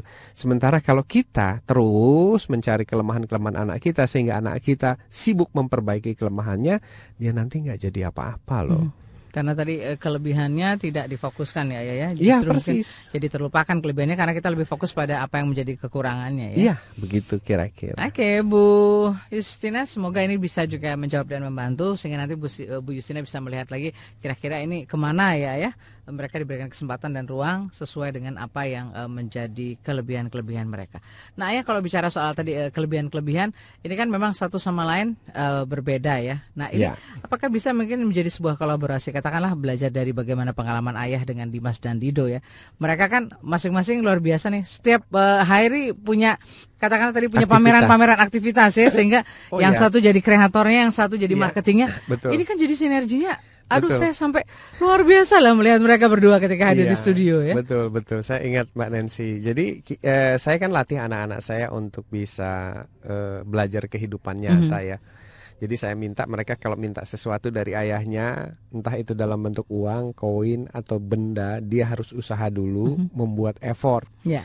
Nah, effort yang sering dilakukan itu adalah pameran, exhibition. Dia membuat eksibisi-eksibisi kecil, eh, kemudian dagang di sana. Dan selalu saja yang terjadi adalah yang membuat ide-ide dagangnya itu adiknya, Hmm, gitu. Nanti kita akan bikin ini, bikin ini, bikin ini, bikin ini, bikin ini. Mhm. Kemudian nanti yang ini harganya sekian. Jadi Dimas lah adiknya itulah yang banyak bicara begitu.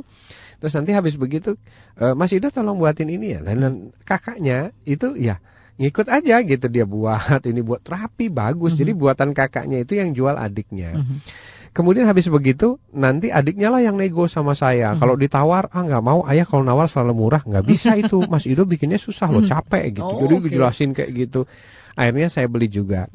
Dan eh, begitu dapat uangnya uangnya itu dikumpulin jadi satu gitu dalam satu dompet ya. Mhm. Yang mengontrol itu adiknya gitu. Jadi walaupun dompet kakaknya gitu hasil penjualan dari barang-barang yang dikreasikan kakaknya ya kakaknya ngikut aja gitu.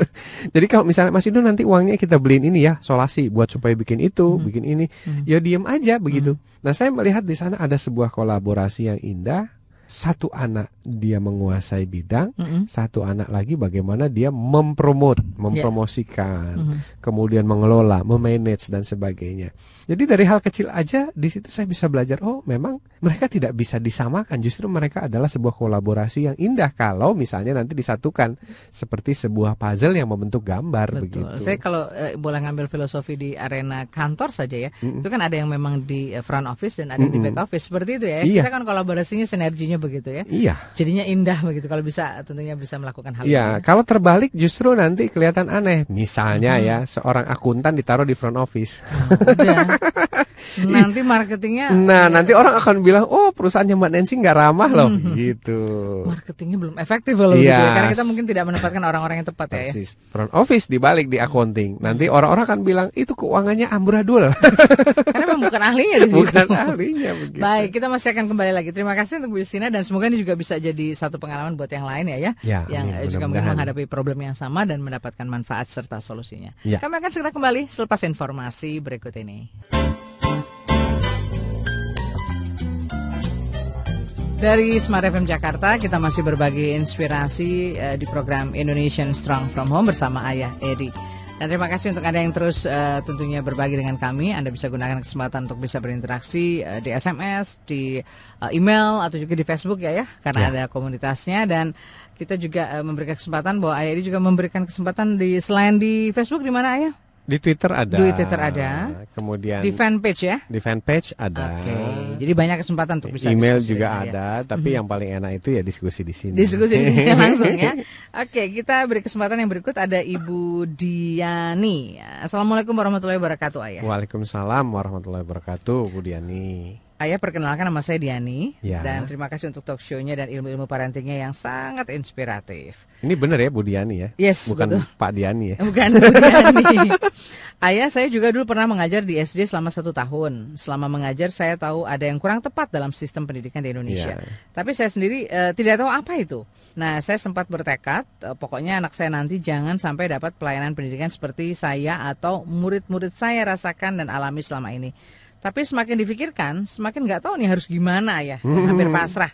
Kayaknya kalau punya anak tetap harus di lain di sekolah formal. Dulu masih bingung nih. Hmm. Nah setelah rutin mendengarkan uh, talk show ayah, hmm. saya seperti tercerahkan dan cukup paham apa yang sebenarnya terjadi pada sistem pendidikan uh, di Indonesia. Ya. Nah Hebat ya ayah, ayah kok bisa sih thinking out of the box katanya begitu. Mm -hmm. Tapi sekarang saya sedang cuti nih uh, mendengarkan talk show ayah karena saya sedang merawat janin saya nih ayah gitu. Ya, ya, ya. Beliau mungkin sedang ini mengandung ya, ya. Mengandung betul. Nah nanti saya akan lanjutkan lagi dan mungkin saat ini persiapan untuk ini ayah ya melahirkan barangkali jadi beliau betul. belum sempat dengerin talk show kita karena saya biasanya ini bisa tahan dan betah uh, duduk dengan mendengarkan uh, siaran ayah atau juga mendengarkan rekaman di netbook selama dua jam nonstop wow, lalu kita lanjutkan biasa. lagi dengerin rekaman yang lain tapi sekarang saya memang uh, lebih fokus kepada merawat dulu kandungan saya yeah, nih ayah yeah, karena yeah. usianya juga sudah semakin uh, ini ya besar. Yeah. Nah ini sebenarnya juga yang yang saya ingin uh, belajar dari ayah. Bagaimana sih sebetulnya uh, kita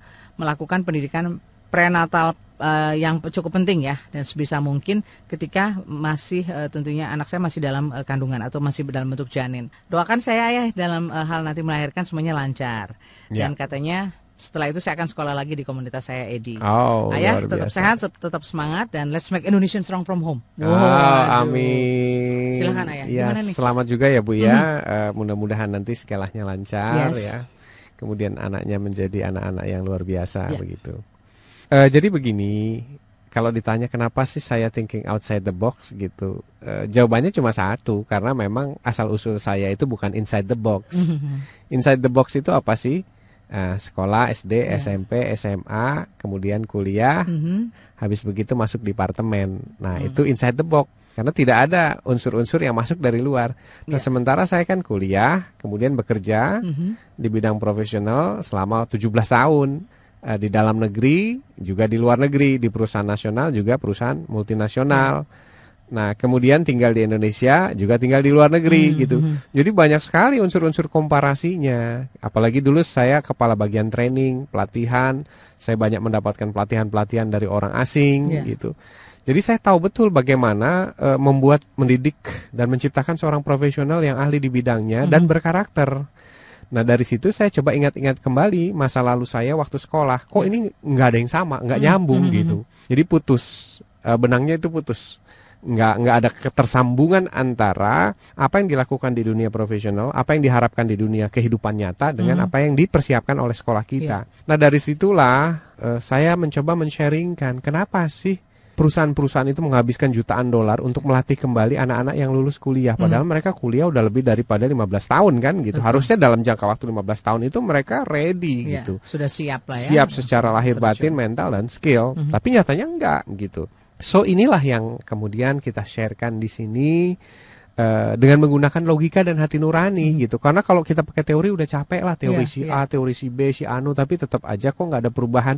Yang penting itu adalah logika kita kita gunakan, hmm. hati nurani kita kita gunakan. Habis begitu kita uji di lapangan gitu. Jadi bukan untuk diperdebatkan, hmm. diuji di lapangan. Yeah. Nah, kira-kira seperti itu. Nah, kemudian berkaitan dengan apa yang bisa kita lakukan dalam mendidik anak, sederhana saja, Bu. Mm -hmm. Uh, ikuti apa yang dikatakan Einstein. Manusia adalah satu-satunya spesies yang diberikan kemampuan berpikir. Jadi, itu adalah anugerah terbesar Tuhan. Maka latihlah cara berpikir anak. Nah, bagaimana cara melatih berpikir anak? Ya, gampang. Caranya tanya mereka, hmm. suruh mereka menjawab sendiri berdasarkan temuan, pengalaman, observasi mereka sendiri, iya. bukan yeah. observasi orang lain yang hmm. ditulis di buku. Hmm. Nah, itu kehancuran uh, sistem pendidikan itu letaknya di sana. Yeah. Jadi anak-anak itu nggak pernah punya self atau individual experience, hmm. nggak hmm. punya individual opinion. Jadi hmm. nggak hmm. punya opini individu, hmm. nggak hmm. punya pengalaman pribadi. Yeah. Semua pengalaman itu dipaksakan melalui pengalaman orang lain yang ditulis di buku. Misalnya misalnya menurut Adam Smith begini-begini. Hmm. Ya sebenarnya itu kan Adam Smith. Hmm. Anak kita kan bukan Adam Smith hmm. harusnya. Dia kita tantang iya. untuk yeah. uh, apa men-challenge Adam Smith hmm. di mana letak uh, keberbedaan kamu dengan Adam Smith. Nah, pada saat anak-anak kita berbeda hmm. menjawab soal-soal berbeda, baru itu otaknya berpikir. Hmm, iya, Tapi iya. pada saat anak-anak kita menjawab soal-soal dengan isian yang sama, hmm. itu namanya otaknya tidur. Nah, kira-kira seperti itu. Hmm. Itu yang dulu dikritisi Einstein sejak tahun 1800-an. Oh, cukup lama ya. Iya, sampai Einstein itu apa namanya mengkritisi habis pendidikan di Jerman dan sampai dia terusir dari hmm. Jerman ke Swiss. Nah dari Swiss di Swiss itulah dia jadi jenius. Kemudian justru diperbutkan tiga mm -hmm. negara itu ya. Satu Jerman diminta pulang ke Jerman, mm -hmm. yang kedua diminta tinggal di uh, Swiss yes, yes. dan yang ketiga Eisenhower itu memberikan hadiah mm -hmm. begitu ke warga negara Amerika. Waduh. Dan akhirnya diperbutkan tiga negara. Tiga negara nih. betul. Sejarahnya begitu. Mm -hmm. Akhirnya Einstein memilih untuk tinggal di Amerika. Mm. Nah, kira-kira seperti itu. Nah, berkaitan dengan pranatal. Pranatal itu sederhana, Bu apa yang ibu alami, apa yang ibu rasakan, apa yang ibu perbuat itu direkam oleh baby. Oh, oke. Okay. Gitu. Ya, Jadi kalau ibu tanya pendidikan prenatal itu seperti apa? Ya, perbaiki diri, mm -hmm. perbaiki pikiran, perbaiki perilaku. Maka rekaman itu nanti yang masuk di prenatal. Mm -hmm. Jadi kita berkata-kata santun, sopan, itu juga yang didengar oleh anak kita di prenatal. Ya, ya. Sesederhana itu. Nah, sesulit itu juga untuk merubahnya. Kira-kira. Jadi kita punya PR 9 bulan untuk mengubah itu supaya nanti janin kita mulai belajar dari pranatal tentang uh, moral, tentang perasaan, hmm. tentang perbuatan baik. Kira-kira seperti itu, Mbak Iya, ini jadi menarik ya. ya. Saya pernah uh, melihat ya ketika keponakan saya Eh, mengandung begitu tujuh mm -hmm. bulan dan mm -hmm. katakanlah memang ibu hamil kan perlu juga dijaga perasaan karena itu juga ada kaitannya dengan janinnya sangat, seperti itu ya. Sangat, ya. Dan saya um, saya tidak melihat dan mengikuti kenapa bisa terjadi sehingga katakanlah tadi emosinya cukup terganggu. Iya. Dan akhirnya tidak lama kemudian eh, babynya lahir. Jadi memang lahirnya lebih lebih awal gitu ya. Iya, jadi prematur iya. istilahnya iya. seperti itu. Nah, ini juga dampaknya ternyata juga ini ya ya ya sangat ini sangat beresiko sekali terhadap bagaimana tadi eh, katakanlah kita atau memaintain diri kita ya. Kalau dari sisi tadi pendidikan prenatal ya ya. Iya. Dulu ada beberapa ibu yang menjadi aktivis parenting kami di Bogor. Mm -hmm. Dan waktu awal-awal uh, aktivitas kami, ibu beberapa ibu itu hamil. Yeah. Dan menurut uh, cerita, menurut laporan, anak-anak yang pada saat ibunya ikut aktivitas parenting itu jadi anak-anak yang aktif, mm. jadi sociable gitu ya, pandai bergaul, uh, smiley, mm -hmm. suka tersenyum gitu. Uh, ya, saya tidak melakukan riset dalam hal itu, tapi dari cerita-cerita itu uh, menguatkan teorinya, menguatkan hasil risetnya bahwa memang berpengaruh apa yang dilakukan oleh orang tuanya saat dia mengandung. Mhm, mhm. Kira-kira seperti itu. Jadi kalau kita tanya seperti apa sih pendidikan prenatal? Kayak ada yang mendengarkan radio kemudian speakernya ditempel ke perut. Mm -hmm. Kalau menurut saya tidak perlu se ekstrim mm -hmm. itu. Yeah. Pada saat orang tuanya mendengar kemudian perasaannya terbangun positif itu akan dikirim signalnya mm -hmm. ke dalam uh, baby kita mm -hmm. begitu. Jadi hal-hal positif yang dialami orang tuanya akan dialami anaknya. Yeah. Nah, termasuk juga orang tuanya sakit, anaknya akan sakit. Orang tuanya ini anaknya akan begitu. Kira-kira seperti itulah. Mm -hmm. Jadi two in one sebenarnya itu yeah. ya. E, dua jiwa mm -hmm. berada dalam satu tubuh mm -hmm. begitu dan dirasakan sama. Betul. Oh, ini menariknya adalah sebenarnya sebuah komunikasi ya, ya yang sudah kita bangun ya sejak komunikasi dini, alam ya? bawah sadar. Iya, ya, sejak dini. Mm -hmm. Pada saat otak-otak sel-sel sel-sel harap dasar itu terbangun ya. Mm -hmm. uh, embrio-embrio otak itu terbangun.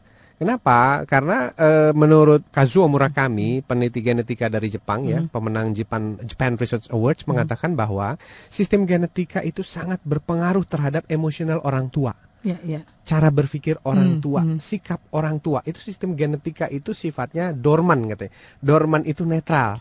Jadi pada saat orang tuanya melakukan positif, maka yang tumbuh adalah positif. Hmm pada saat orang tuanya banyak melakukan hal negatif, maka genetika itu akan mengarah ke sana begitu.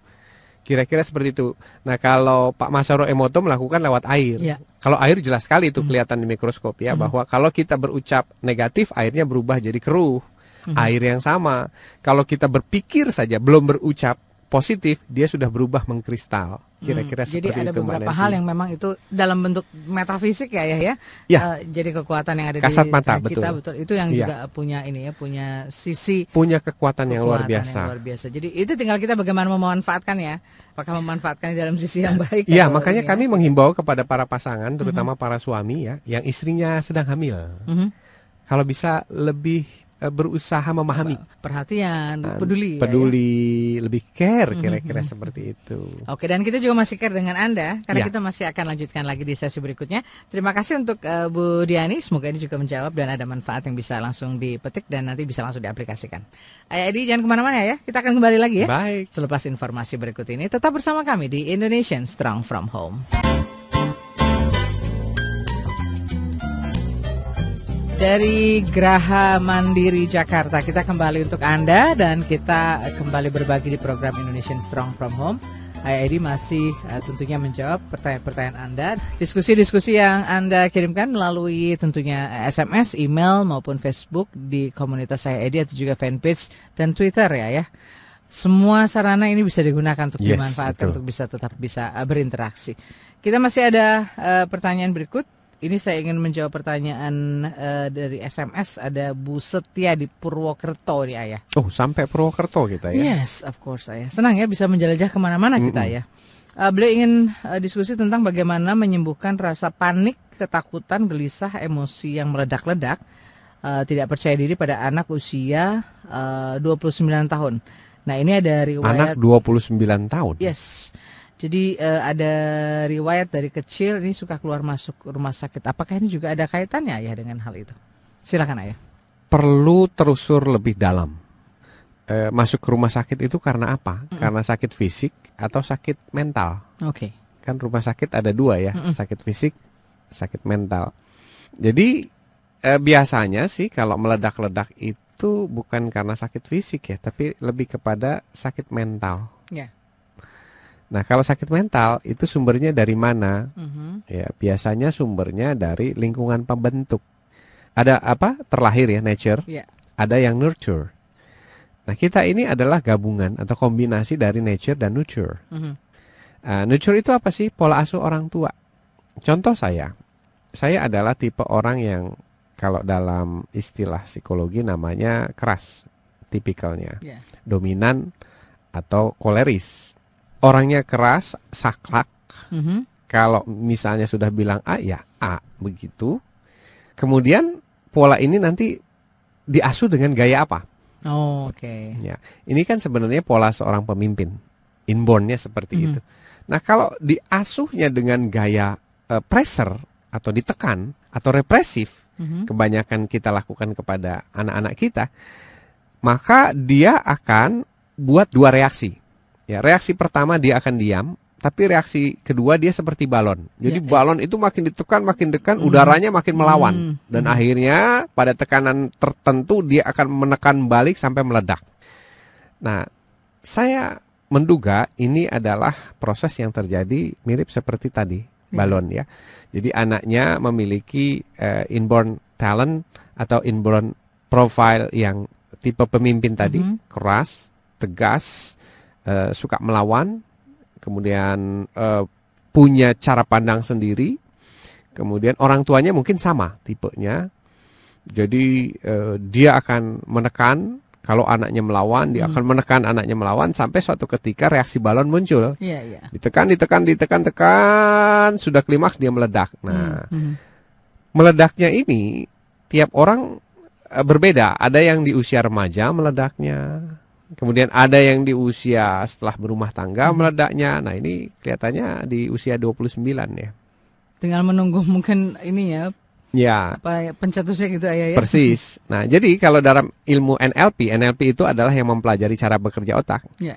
Nah, ini adalah kumpulan dari alam bawah sadar, alam bawah sadar masa lalu Mhm. yang penuh tekanan. Sehingga dia mencapai kapasitas tertingginya dan sekarang baru keluar meledak satu demi satu. Mhm.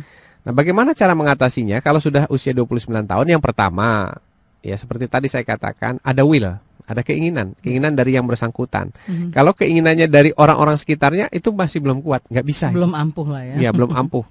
NLP atau uh, hipnosis itu selalu mengharapkan keinginannya dari yang bersangkutan. Nah, bagaimana caranya supaya yang bersangkutan punya keinginan untuk berubah? Ya, diberikan inspirasi-inspirasi, baik melalui CD, pergi ke seminar, baca buku, uh, sampai dia terinspirasi mau berubah, baru dia datang ke terapis, minta untuk dilakukan proses hipnosis, hipnosis reframing namanya. Jadi di sana nanti kita akan diprogram ulang reaksi-reaksinya. Jadi kalau ada pencetus yang sama, reaksi kita jadi beda. Nah, saya pernah ini melakukan ini tiga tahun, Mbak Nancy Hmm, Oke. tiga tahun karena saya hidup dibesarkan eh, dalam tradisi yang keras kemudian di daerah Tanjung Priuk Hmm. ya yang keras juga begitu jadi kekerasan ketemu kekerasan eh, anaknya keras tradisinya keras lingkungannya keras jadilah anak yang super keras Ya. nah satu ketika saya memasuki dunia profesional nah saya tidak bisa mempertahankan kondisi itu jadi saya harus merubah mentransformasi diri saya supaya saya bisa beradaptasi dengan Hmm. lingkungan yang baru terutama dunia konsultasi dan HR ya waktu Ya. itu saya pegang HR. Nah, saya akhirnya tersadarkan bahwa bukan saya merubah orang lain tapi saya yang harus berubah. Nah, di situlah saya punya willing yang kuat kemudian melakukan proses terapis. Mulai dari saya datang ke terapis, Mhm. kemudian saya belajar ilmu hipnosis dan saya menterapi diri sampai sekarang. Mhm. Seperti itu. Itu datangnya memang dari kemauan kita juga ya ya. Itu Iya. mulai semua dari apa Iya. yang eh, tentunya ingin kita lakukan terhadap diri kita. Zaman saya dulu masih susah nyari terapis. Hmm, Itu terapisnya rata-rata masih orang asing, Mbak Nancy. Nah, itu karena dulu di backup oleh kantor ya. Ya. Jadi masih bisa gitu sambil menjadi orang HR, kemudian sambil ikut pelatihan dan sebagainya banyak masih bonus-bonus ya. Mhm.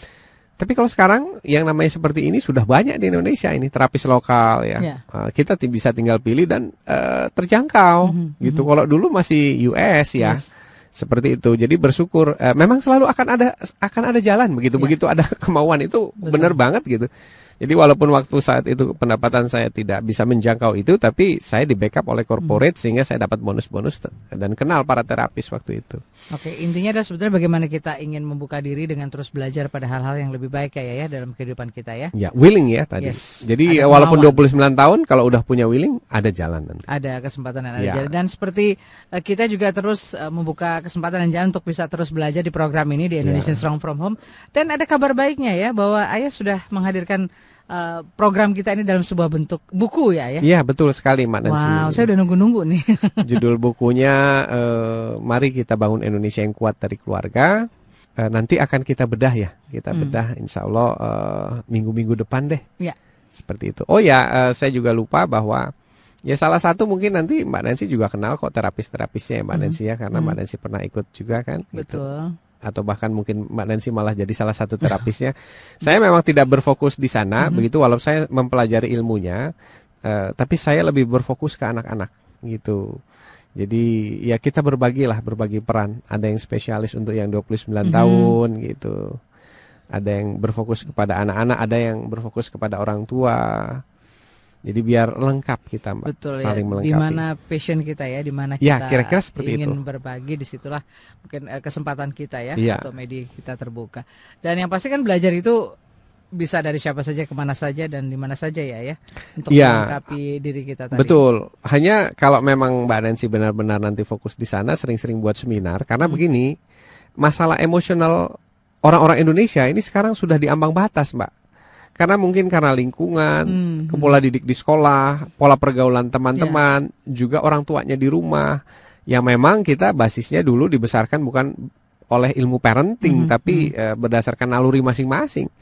Dan kalau kita dilihat di jalanan ya dengan tingkat stres yang tinggi itu orang-orang sekarang itu gampang sekali meledak, gampang sekali marah dan gampang sekali menggunakan kekerasan dan ini adalah eh, PR-PR bagi para terapis yang menghandle langsung masalah emosional tadi Mbak Nancy. Mhm, mhm. Gitu. Dan di program ini juga salah satu cara kita bisa belajar ya, ya, ya sebetulnya dari lingkup terdekat di rumah itu kita juga bisa belajar tentunya Ya. memaknai bagaimana tadi mengendalikan emosi, lalu juga melihat segala sesuatu dengan Ya. lebih positif. Betul sekali dan Eh, Salah satu pembicara kita juga kan Mas Antonio De Martin ya. Eh, Beliau bicara tentang emotional intelligence ya. Yes. Nah itu juga eh, sebuah sebuah keilmuan yang yang yang berusaha untuk mengupas dan mengolah itu karena memang emotional intelligence atau emotional quotient itu ada sesuatu yang sangat menentukan, Mbak, Mhm. gitu. Bagi kita, kesuksesan kita nggak cuma di eh, karir tapi Ya. juga di keluarga. Di kehidupan kita ya, ya, betul, ya, ya. begitu. Betul. Kan memang emosi itu dihadirkan pada kehidupan kita oleh Sang Pencipta karena untuk mewarnai ya. Betul. Tapi bagaimana tentunya kita mengemas emosi ini apakah akan kita manfaatkan untuk hal-hal yang kurang tepat? Nah, atau justru pada hal-hal yang lebih bisa mewarnai. Kehidupan gambarannya seperti dulu kejadian pesawat ulang alik ya. Mhm. Eh, emosi itu ibarat eh, apa namanya roket pendorong Yes. Untuk menembus angkasa. Tapi pada saat roket pendorong itu tidak terkendali Hmm. lagi, maka dia menghancurkan. Iya. Dan kalau kita ingat eh, tragedi Challengers 20 tahun yang lalu ya seperti itulah kira-kira emosi. Jadi benar-benar harus terkontrol, eh, terkuasai dan terkendalikan supaya kita benar-benar bisa melesat menembus langit begitu. Oke, dan kita ternyata sudah melesat sampai di akhir perbincangan kita ya. Tanpa terasa ya, dua jam sudah Alhamdulillah ya. kita hadirkan tentunya program ini Indonesian Strong From Home dengan tentunya diskusi dan menjawab pertanyaan-pertanyaan melalui email, Facebook, komunitas saya Edi dan juga melalui fanpage maupun eh, melalui Twitter dan juga Anda bisa bergabung dan juga berbagi langsung di sini. Dan yang pasti nanti kita akan juga eh, kembali menyapa Anda di eh, minggu depan ya, tentunya setiap Selasa malam ya. Yes. Kita akan berbagi. Terima kasih atas kebersamaan Anda. Semoga banyak manfaat dan Ayah Edi juga Amin, mudah-mudahan. terus berbagi inspirasi nih ya. Ya, sehat, sehat, Sehat sehat, selalu, sehat, sehat, sehat, sehat, dan sehat semangat. terus ya. Iya. dan tetap semangat untuk bisa terus berbagi semangat dan inspirasi di program ini. Kita Amin, amin. akan eh, kembali lagi minggu depan. Saya Nancy Ginta. Saya Ayah Edi. Let's make Indonesia strong from home.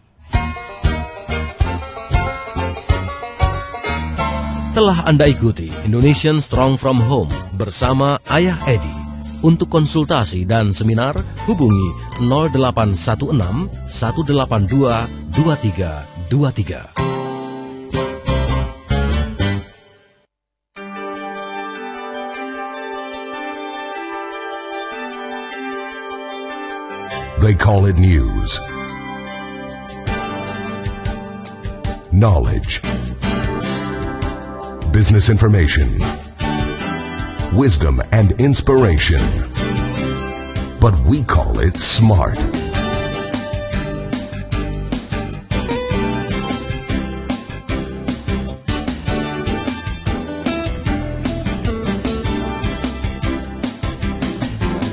Smart FM, the spirit of Indonesia.